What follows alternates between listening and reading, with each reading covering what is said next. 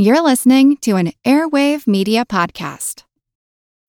When you need mealtime inspiration, it's worth shopping Kroger, where you'll find over 30,000 mouthwatering choices that excite your inner foodie. And no matter what tasty choice you make, you'll enjoy our everyday low prices, plus extra ways to save, like digital coupons worth over $600 each week. You can also save up to $1 off per gallon at the pump with fuel points. More savings and more inspiring flavors make shopping Kroger worth it every time. Kroger, fresh for everyone. Fuel restrictions apply. This podcast is sponsored by Cloud Optimizer. As a business owner or IT manager, are your cloud investment costs going up and you don't know why? It's time for Cloud Optimizer. As you migrate your business to the cloud, what you're spending and why you're spending it can get a little hazy. But Cloud Optimizer clears up the mystery and puts the cloud to work for you. Cloud Optimizer starts by analyzing usage patterns, right sizing resources, leveraging discounts you may not be aware of, implementing automation, and much more. And by reducing unnecessary expenses and maximizing performance, Cloud Optimizer guarantees you a savings of five times what you spend for their service. As you utilize cloud based services more and more, you don't have to lose sight or control of your spend. You can stay agile, streamline your costs, and optimize your performance, plus save significant money with Cloud Optimizer. Make the cloud work for you with Cloud Optimizer. Get a free assessment and find out how much you can save by going to cloudoptimizer.com. Go to cloudoptimizer.com for your free assessment. That's cloudoptimizer.com. This is Kick Ass News. I'm Ben Mathis. We demand a lot of our databases, and our databases demand a lot of us. With Cloud Spanner on Google Cloud Platform, database architects get a fully managed relational database that's globally consistent, scales horizontally across data centers, and speaks SQL. Instead of endless provisioning and worrying about maintenance, you can focus on growing your business. Click to learn more about Cloud Spanner. Visit g.co slash getspanner. Again, that's g.co slash getspanner. And now, Enjoy the podcast.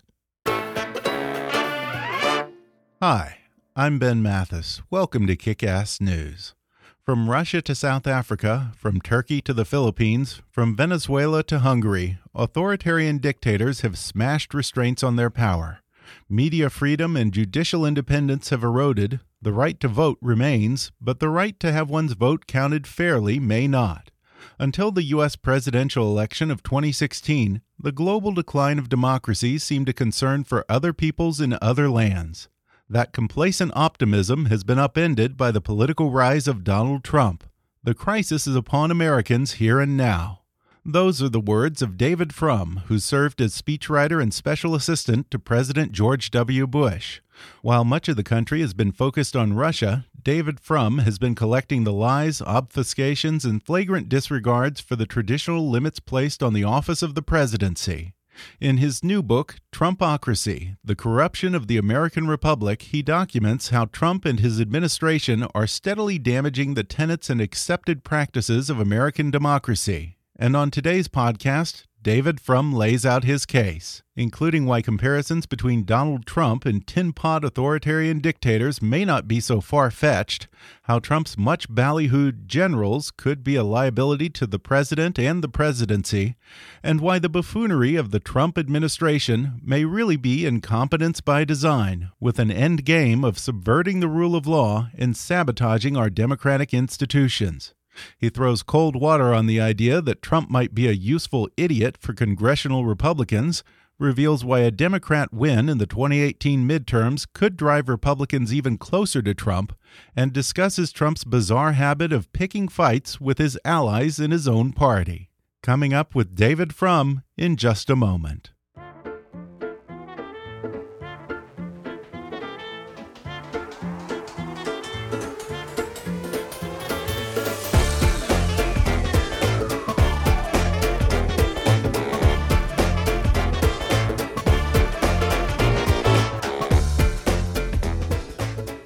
David Frum served as speechwriter and special assistant to President George W. Bush from 2001 to 2002. Today, he's a senior editor at The Atlantic and the author of nine books, including his latest, Trumpocracy The Corruption of the American Republic. David, thanks for coming on the podcast. I thank you. Oh, well, David, I want to start by reading a quote from this book. You say, if conservatives become convinced that they cannot win democratically, they will not abandon conservatism, they will reject democracy. I've always thought the Republicans are the defenders of democratic values, so explain how something like that would play out. Um, one of the things that has defined Republican politics over the past decade has been intensifying pessimism about the future of America. Think of Paul Ryan's tipping point speech at AEI in 2010. If you know, if the Republicans don't get their way in 2010, if they don't snuff out Obamacare, that's it. The country is pitching over the cliff uh, toward author- authoritarianism and totalitarianism, and there's no way back. Because of that mood of um, fear, Republican politics have become very much more radical than they were before the Great Recession. And Republicans have been willing to contemplate tactics that they would never contemplate before. Since 2010, and especially since 2014, Republicans at the state level have gone out of their way to make it difficult for people they think will vote against them to take part in politics. That's a new that's a new thing and a very dangerous thing. Uh, now, if I'm reading Trumpocracy right, it's not so much Trump's policy that scares you, it's the means by which he got into office and subsequently wields that power that you consider dangerous. Have I summed that up correctly? Very well. I think we all need to understand this is not just about the personality of, of one unfortunate human being. One of the backgrounds to this whole story is that across the developed world, we are seeing a global crisis of democracy. Let me cite a piece of research that has a, had a big impact on my thinking. If you ask the following question, is it essential to you personally to live in a democracy? Among people who were born in the 1930s, something like 90% will say yes across the developed world, not only the United States, Britain, Germany, Sweden, Canada. Uh, overwhelming, vast, almost everybody says it is essential to me personally to live in a democracy. You ask that question to people born after 1980, uh, and about 25% say yes, it's essential to me personally. And you think, well, is that a trick question? But if you phrase the question in other ways, well, what about a strong man who can cut through politics? You see rising interest in that among younger people. They are disillusioned with democratic politics. And so we're seeing across the developed world the rise of these extremist and strongman parties. Um, we're seeing it in places like South Africa and India and the Philippines and Turkey, but also in Hungary, Poland, France, even Germany. I know that it's popular for people to compare Trump to, you know, Hitler or Mugabe, Kim Jong Un, but it's not like he's going to follow the typical dictator's playbook and suspend elections or ban opposition, right? Or, or is that more of a possibility than we realize? There are a lot of stops on the train line of bad before you get to Hitler Station. Modern authoritarianism is not like the authoritarianism of 100 years ago. Um, it's just, uh, it's much more economical. It's got much more limited goals. I mean, uh, the dictators of the 1930s and later, they were kind of demented idealists. Stalin, Hitler, Mao, Castro, these people had visions of how the world should be. Modern authoritarians, people like you know Viktor Orban in Hungary and the law and justice people in Poland, they just want to steal. And hmm. they want to shut down government just enough to allow them to get away with the stealing. And Trump is in that tradition of these modern authoritarians. It's just counterproductive to cancel an election. You can do just as well with a lot less fuss if you identify the 6% of the population least likely to vote for you and just cancel their election. David, do you think there's anyone in Trump's orbit who comes even close to being sort of a Jiminy Cricket on Trump's shoulder who keeps his worst instincts in check? I think there are people who try to do that. Um, not exactly in Trump's orbit is the um, Secretary of Defense, James Mattis. And there are people in Trump world who make various compromises. But here's the problem you come into Trump's orbit and he changes you. I tell the story in the book of H.R. Hmm. McMaster, who's the national security advisor. Um, a distinguished soldier in Iraq and Afghanistan, um, the author of an excellent book on uh, civilian military relations during the Vietnam War, truly an honorable, honorable soldier and a very intelligent and forceful man. Right. And yet, by virtue of working for Donald Trump, he's been pushed, and I detail them into a series of moments when he has to lie to the press simply to cover up terrible things that Donald Trump has done that would upset the Western alliance. I mean, good people do bad things often for very good reasons, but you get compromised. I ta- discuss in the book the advice I give to friends of mine who've had to consider should I work for Donald Trump? And the, the advice I give them is if you're in the national security realm, yes, I mean the country has to be protected. We the military has to be there. We need people. We need ambassadors. Um, if you can work for Trump without working with him, that's a public service. But understand that this is a president who will ask you to do wrong things. And if you are not confident that you can say no, don't say yes. And one more thing if the president were as confident as you that you would say no to a wrong thing, would he ask you in the first place? As a former White House staffer yourself, do you empathize with those on Trump's team who constantly seem to be put in the position of having to either lie for him or explain away his behavior or walk back Trump's crazy Twitter statements? Well, different. I have different feelings about different people. I have one set of feelings about an H.R. McMaster, and I have another set of feelings about a Sarah Huckabee Sanders or um, you know Kellyanne Conway. For that, about those latter group, I just think, isn't there some nice tobacco company somewhere you could work for? You do not have to do this. Well, the way you describe the officials in the administration, they sound like the gang who couldn't shoot straight. you talk about how incompetent they are, how they make the most basic mistakes, they constantly put their foot in their mouths, they lie on their disclosure forms, and constantly seem to make spelling errors. In that sense, is there at least some hope in the lethargy and incompetence of the Trump White House and their complete lack of ability to get things done? Well, it is certainly true. This is a bumbling White House. Um, we, I think you saw the invitation to the State of the Union address, and and they, they make you know I remember in in the Bush years, um, if any kind of error crept into any kind of I mean it would you'd be up till midnight. Uh, reverse how did this happen? Who yeah. did it? Yeah. Um, and I mean people would be in tears. I mean it just was so you know, the president might misspeak, but his cards had better be letter perfect. If he cited a statistic, the statistic had better be exactly correct. And oh, by the way, you if you if you don't have time to call the Bureau of Labor Statistics yourself and authenticate the internet report, we'll find somebody who does have time to call the Bureau of Labor Statistics personally to authenticate because the president is going to say it. It has to be correct. Um, that they don't have that spirit although I have a lot of time for the Michael Wolff book, I learned things from it. I think the portrait there of a bumbling bunch of harmless doofuses is really wrong.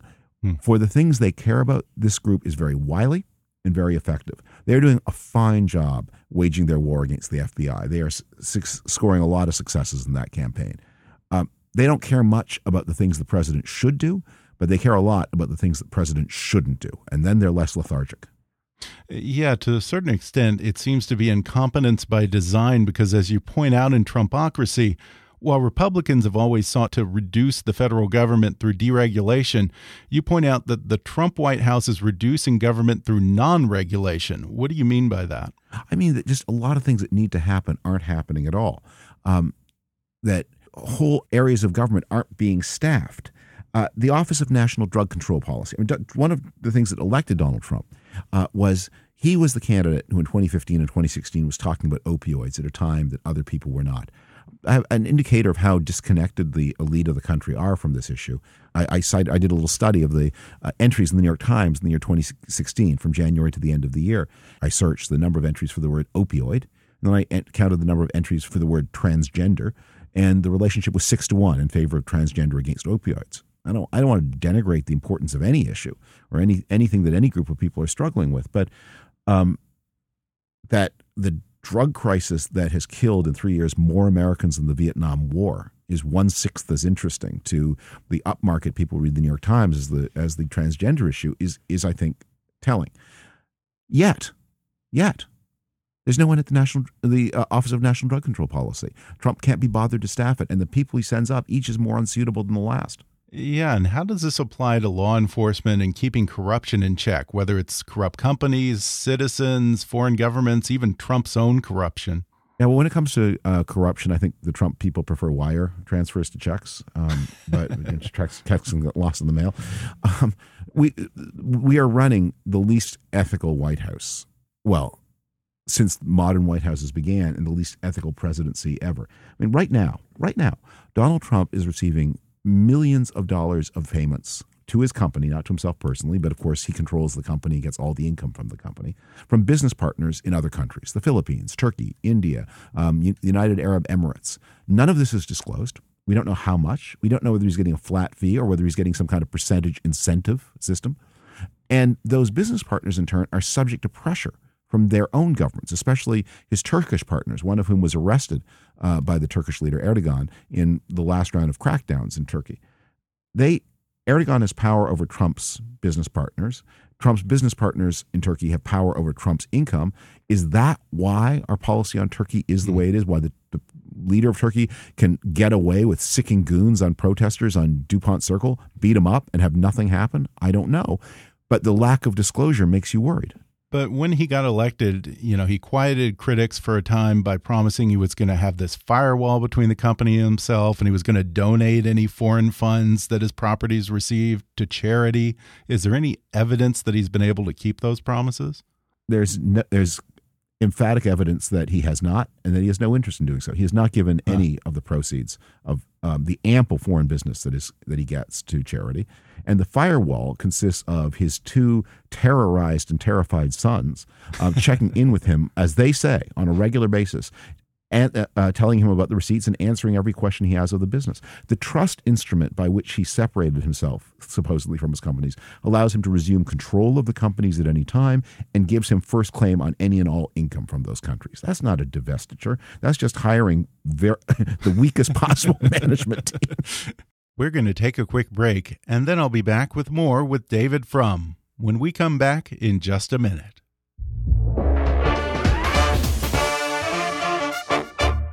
Hey folks, SeatGeek is the smartest, easiest way to get tickets to every type of live event. Whether you're searching for the last minute deal or need the perfect gift, SeatGeek helps you find the best seats at the best prices, fully guaranteed. I have the SeatGeek app near the top of the homepage on my phone because it's by far the easiest way I've found to shop for tickets. I can be anywhere, and with just a few taps, I instantly find tickets. I love going to concerts, comedy, and Broadway shows, so just in the past month, I've used SeatGeek to buy tickets for John Mulaney's concert and Hamilton the Musical. Now, folks, you probably know how impossible it is to get seats to Hamilton, but SeatGeek hooked me right up with no hassle. I could have literally wasted hours going on different sites and comparing prices from ticket brokers, meeting some guy on a street corner wondering if the tickets are legit, but instead, SeatGeek made it simple for me to get the best deal on the best seats for the hottest show in town in less than five minutes. It's designed to make your ticket buying experience easier than ever. SeatGeek even grades every ticket price based on value to help you get the most bang for your buck. Plus, every purchase is fully guaranteed so you can shop with confidence. Make SeatGeek your go to app for finding the best deals on every type of ticket, from sports and concerts to comedy and theater.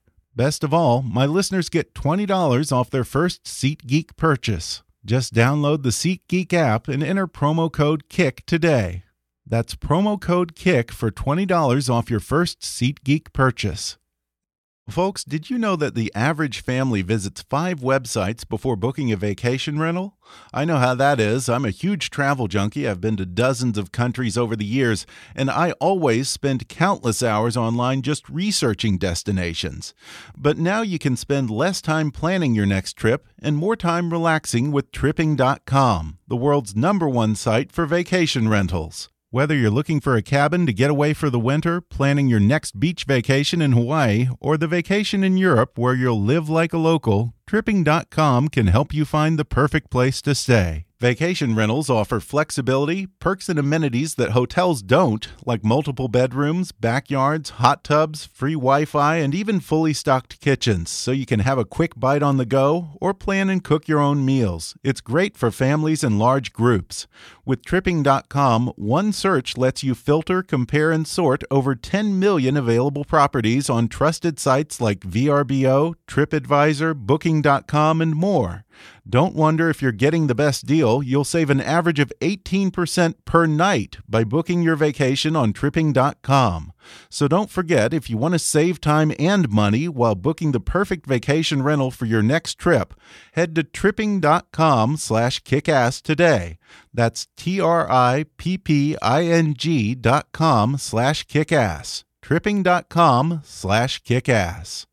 Support for today's show comes from an innovative shampoo. Introducing Control GX, the first gray reducing shampoo from Just for Men.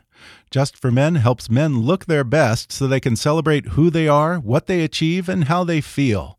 They relentlessly innovate and deliver smart hair care technology that does the work for you, making it radically easy to get that natural look you want.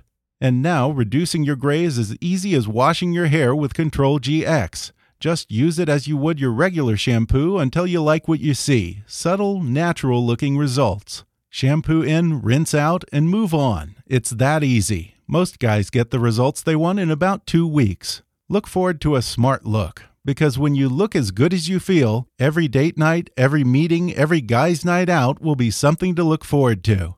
Get 25% off Control GX using code KICK at ControlGX.com. That's code KICK to get 25% off Control GX at ControlGX.com.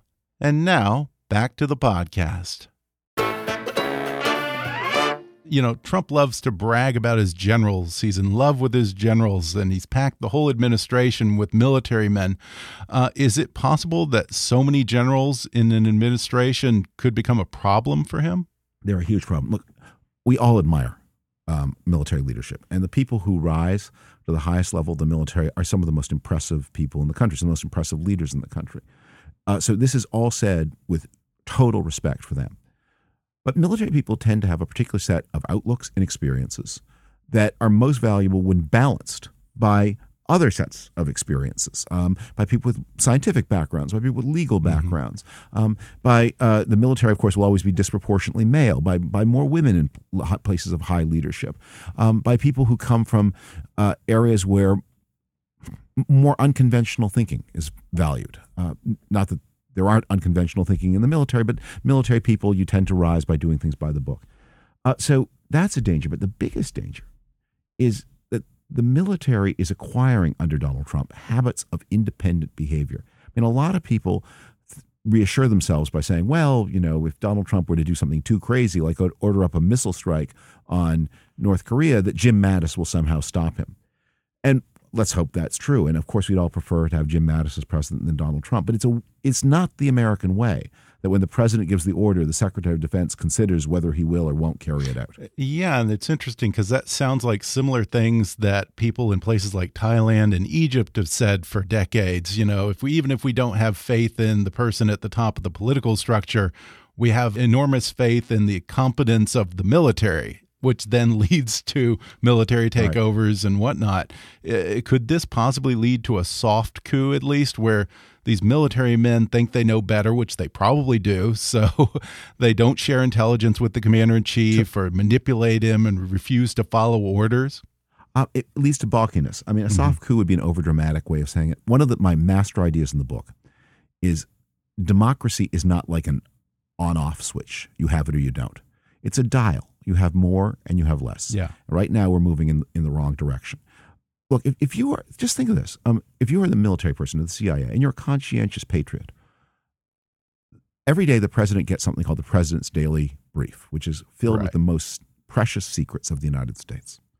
Uh, that brief is typically read by the president, usually the vice president, almost always the chief of staff, certainly the national security advisor, uh, maybe one or two others in the administration. Bill Clinton let First Lady Hillary Clinton read it. A slightly redacted form of the brief is made available to former presidents. Donald Trump has made that brief available to 14 people, including his son in law, who is so compromised by Chinese money. Wow. You know, as a CIA person, that Donald Trump boastfully blurts precious secrets in order to impress the Russian foreign minister. And you know, he's watching Fox and Friends anyway. He's not reading the brief He wants it short, he wants it simple, he wants lots of pictures. Get into the habit of leaving stuff out. I mean, if the president asks you point blank, uh, you would tell him. But if he doesn't know what to ask for, he can't ask for it, can he? Uh, so I, I do think there's probably a deterioration in the quality of information that is flowing to the White House. And I do think that there is some tendency among the military to get into the habit of, of independence. And the, the danger is all bureaucracies want to slip the leash of their political masters. The mil- and militaries are no exception. This can become a habit, and that is dangerous. Yeah, and perhaps in a similar way to the way that the military views Trump, I think many Republicans in Congress initially approached Trump's victory with a similar logic in that, you know, maybe this is a man who has no real ideology of his own, so he might be a useful idiot who'll sign whatever we put in front of him. Do you think it's worked out the way they planned? Well, he has certainly been willing to um, submit to the Republican agenda. Remember how Donald Trump came to the fore in 2015 and 16 by promising to be a different kind of Republican. He wasn't going to cut entitlements. He was going to put middle class economic concerns at the top of the agenda. Um, he was going to be tough on immigration. He was going to have a new approach on trade. So he's jettisoned almost all of that. Uh, on trade, he still makes disruptive noises, although aside from canceling the Trans Pacific Partnership, which is a terrible blow to American leadership in the Pacific. He hasn't actually done much on that. On the other things, though, he has become a total Paul Ryan Republican with just you know nastier noises. So the deal has been consummated. He signs the bills, and the Republicans in Congress give him protection from his legal danger. You've been involved in Republican politics for many years, and during the Bush administration, I don't recall George W. Bush going and fighting with Republicans in Congress all the time. But with Trump, whether it's Corker or Jeff Flake, McCain, he seems to always spend more energy attacking his own party than Democrats like Pelosi or Schumer. Yeah. He picks these fights with the same people he's counting on to enact his agenda, who sometimes vote 90% of the time with him. To what end? What, what does he accomplish making enemies of them? That's a great the, the to what end question is, is very important. Look, all presidents tussle with their own parties in Congress. You know, they're inevitably, you know, uh, congressman who represents Arizona doesn't see the world the same way as a congressman who represents Minnesota, and the president has to balance between those Sure. two. And uh, presidents have large agendas, and members of Congress have you know more parochial agendas. So there, there are tussles, but the president, one, tussles for a reason. Two, remembers that he will need these people tomorrow. Uh, and three, tries to keep the team functioning as a team, doesn't make it personal. Donald Trump is all about ego, and he has no policy ideas in the usual sense of that term. So when somebody doesn't submit to him, he attacks them in the most personal possible way because he just wants to cause pain and reassert his own power over them, but without much of a sense of actually trying to achieve anything. Well, whether it's Congress or the media or even various conservative institutions, uh, I want to get your opinion on something. Who are the worst offenders in terms of enabling, elevating, and legitimizing Trump, both during the election and now that he's president? Now that he's president, probably the most important offenders are the Republican donor elite. Uh, the people who, during the campaign, tried to stop him, then after the election have made their peace with him. Um, and but they've done things like they write checks to his inaugural campaign uh, committee, which you know completely secret money, uh, and they have decided that they can use Donald Trump to get things done. And not only are they doing that, but they are preventing the Congress from acting in a way to enforce ethical standards on the president. Well, there was also certainly a good deal of culpability on the part of Fox News, and they seem to have gone out of their way now to avoid alienating Oh the gosh, yes. particularly fickle Trump voter to the point of largely ignoring the Russia investigation. But if the Trump demographic is, as you point out in the book, poorly educated and low income, at what point might this start to actually affect ad revenue? And perhaps could that financial hit be the thing that finally brings Fox back to a place of responsible journalism and maybe holding the president a little more accountable? Um, look, Fox has always had a struggle with responsible journalism. Um, there are people there who want to do it. The audience doesn't care about it, and the, the dollars flow fastest to the most irresponsible voices. Fox has also become terrified of the risk of losing its audience to Alex Jones, Breitbart, even more extreme kinds of messages. At the beginning of the 2015 cycle, Fox was divided. There were people at Fox who wanted to play a role in choosing the next president, and they thought of Donald Trump as a joker. Donald Trump broke Fox to his will. That was one of the earliest of his important victories over the Republican world. And having been uh, an obstacle to him uh, in 2015, Fox has become his most important resource in the Republican world in 2017. Uh, but if the Trump voters are so poorly educated and low income, mourning the loss of their manufacturing jobs, probably don't have a lot of disposable income, eschew technology and innovation, certainly don't buy luxury goods. At what point does pandering to conspiracy theorists and red trucker hats start to become too costly for Fox? When does a business like Fox News finally start thinking about the bottom line again? Well, th- there's mon- there's money enough. Uh, There's, I mean, uh, Okay. it's it's a big audience. Remember, uh, it's one shouldn't exaggerate how down market the Trump voter is. The, the, there's this apt description of a Trump voter as a successful person in an unsuccessful place. Think of you know the uh, the vice principal of a high school in former coal country and a part-time football coach who's worried by what he sees happening all around him. Um, that's a Trump voter, and it's worth an advertiser's time to talk to him. But here's the thing I have trouble with, David. I mentioned the poll that you cited that said that only 19% of Trump voters actually went to college. And I'll be honest, every encounter I've had with a Trump supporter bears that out. They seem wildly prone to conspiracy thinking and confirmation bias. They lack critical thinking skills. They question nothing. That's just ignorance by any objective measure. Over and over again, I watched Donald Trump treat his supporters like gullible rubes, even saying that if he told them to go out and shoot someone in the streets, they'd do it. And still, they blindly follow him without hesitation. I always hear pundits romanticizing the Trump voter as some type of noble, forgotten man, or suggesting that maybe there's something that the rest of us are missing. Now, I realize that what I'm about to say is probably controversial to suggest, but is the ugly truth that no one wants to admit perhaps that there exists a huge part of this country that just frankly isn't very bright. Uh, I, I, won't accept that. Um, and because people, okay, ev every person, look, obviously we, we all vary in intelligence and other other attributes. There are many there are many things that go into making a good human being beside brains. We all know terrible people who are very clever, and um, uh, and we all know good people who don't have a lot of academic skills. Um, but that figure came of, of how uneducated the Trump voter came was what referenced the Trump primary voter in the very early part of the Republican primaries. Oh, okay. As Trump won, that his voting base came to overlap more and more with the rest of the with the regular Republican Party, and now, um, I mean, a lot of people have exited the Republican Party in response to Trump, but now it is Donald Trump's uh, party. I, I don't think anybody should look at any other group of people as somehow too foolish to govern themselves, but all Americans are subject to different kinds of pressures. And the Trump voters are in places where there are, there's a health crisis, unlike anything ever seen in the United States, um, where there are economic pressures, where they feel that they are being culturally disrespected. Uh, that's that's very Im- important to a lot of people to feel that that um, you know just so there there you are, uh, Trump. You know the Trump successful man in an unsuccessful place, coping with addiction and early death and um, all of the problems you see around you. And then you're told that, oh, on top of everything else, you need to apologize for your white privilege. Well, you would think, I don't feel very mm-hmm. privileged and I don't appreciate being lectured, thank you very much, by you know people who are in so many ways more advantaged than me. When you look at Trump's Twitter feed or the stream of consciousness press conferences, stunts like the fake news media awards, it's so hard not to laugh just the sheer buffoonery of Donald Trump.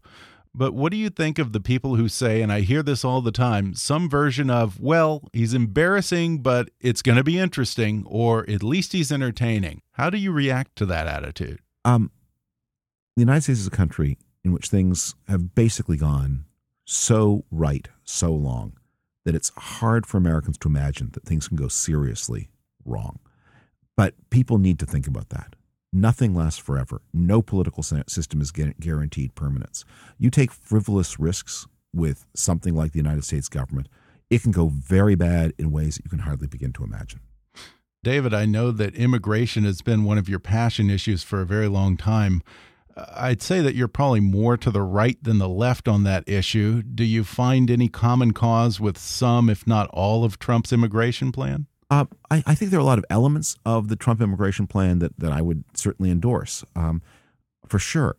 But under, this is understand this. Um, during the campaign, I got I would hear from acquaintances who are involved with Trump World, who would say things to me like, "You've been talking for a decade about the need for a more restrictive immigration policy. Now, at last, comes a candidate who's talking about the same things that you're talking about. Uh, how? Why? Why are you hostile to him? You should like him because he's doing what you say."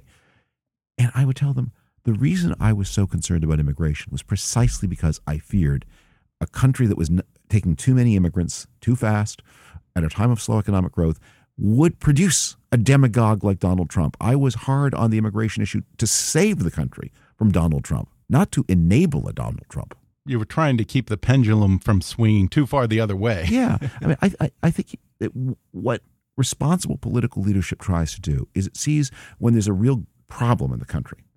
It understands that that problem can be seized upon by radical elements for their own ends. Mm-hmm. Um, if you're living in 1970 and you see that despite the passage of civil rights laws, that um, black Americans are not leading equal lives to whites, and you see that, that people like the Black Panthers and others are making an issue out of that, uh, that you don't say, therefore I support the Black Panthers. You say, I need to understand why the Black Panthers are finding followers. And I need to address those concerns so I can marginalize and exclude the Black Panthers from public life. And in the same way, with these sort of whatever you call them, white supremacists, alt right people, uh, they are often talking about real things.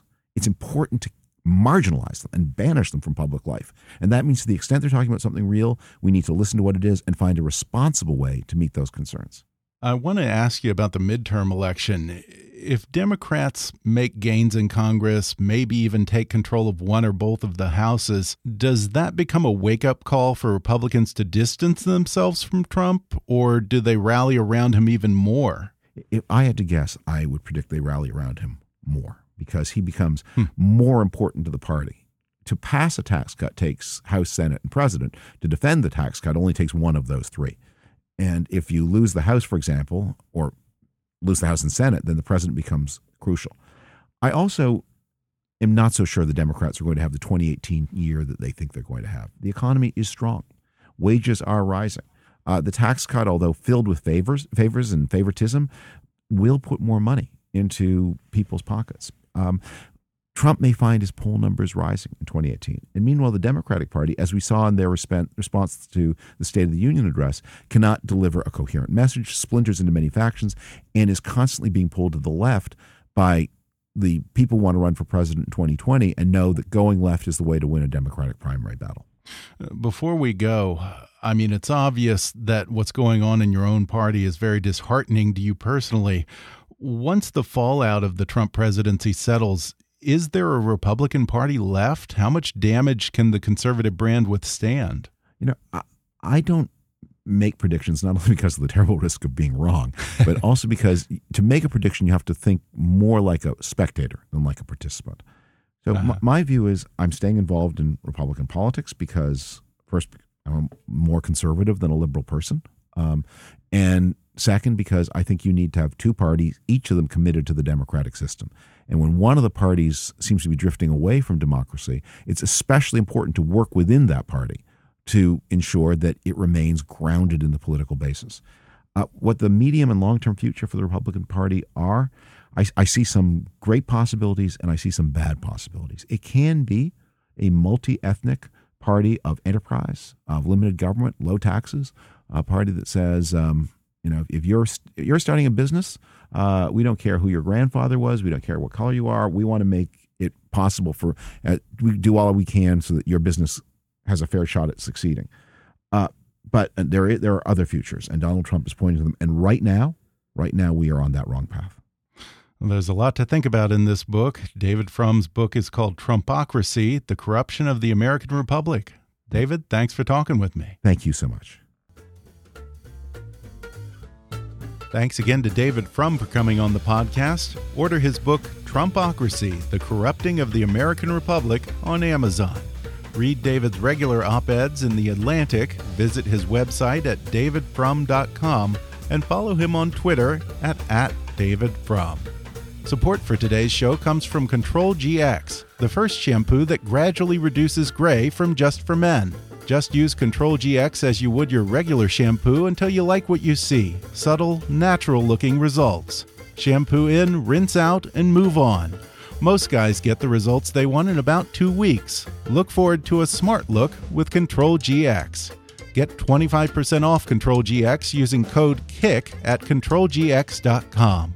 That's code KICK to get 25% off Control GX at ControlGX.com. If you haven't already, be sure to subscribe to Kickass News on iTunes and leave us a review. You can follow us on Facebook or on Twitter at, at KickassNewsPod. And as always, I welcome your comments, questions, and ideas at comments at kickassnews.com. I'm Ben Mathis, and thanks for listening to Kickass News.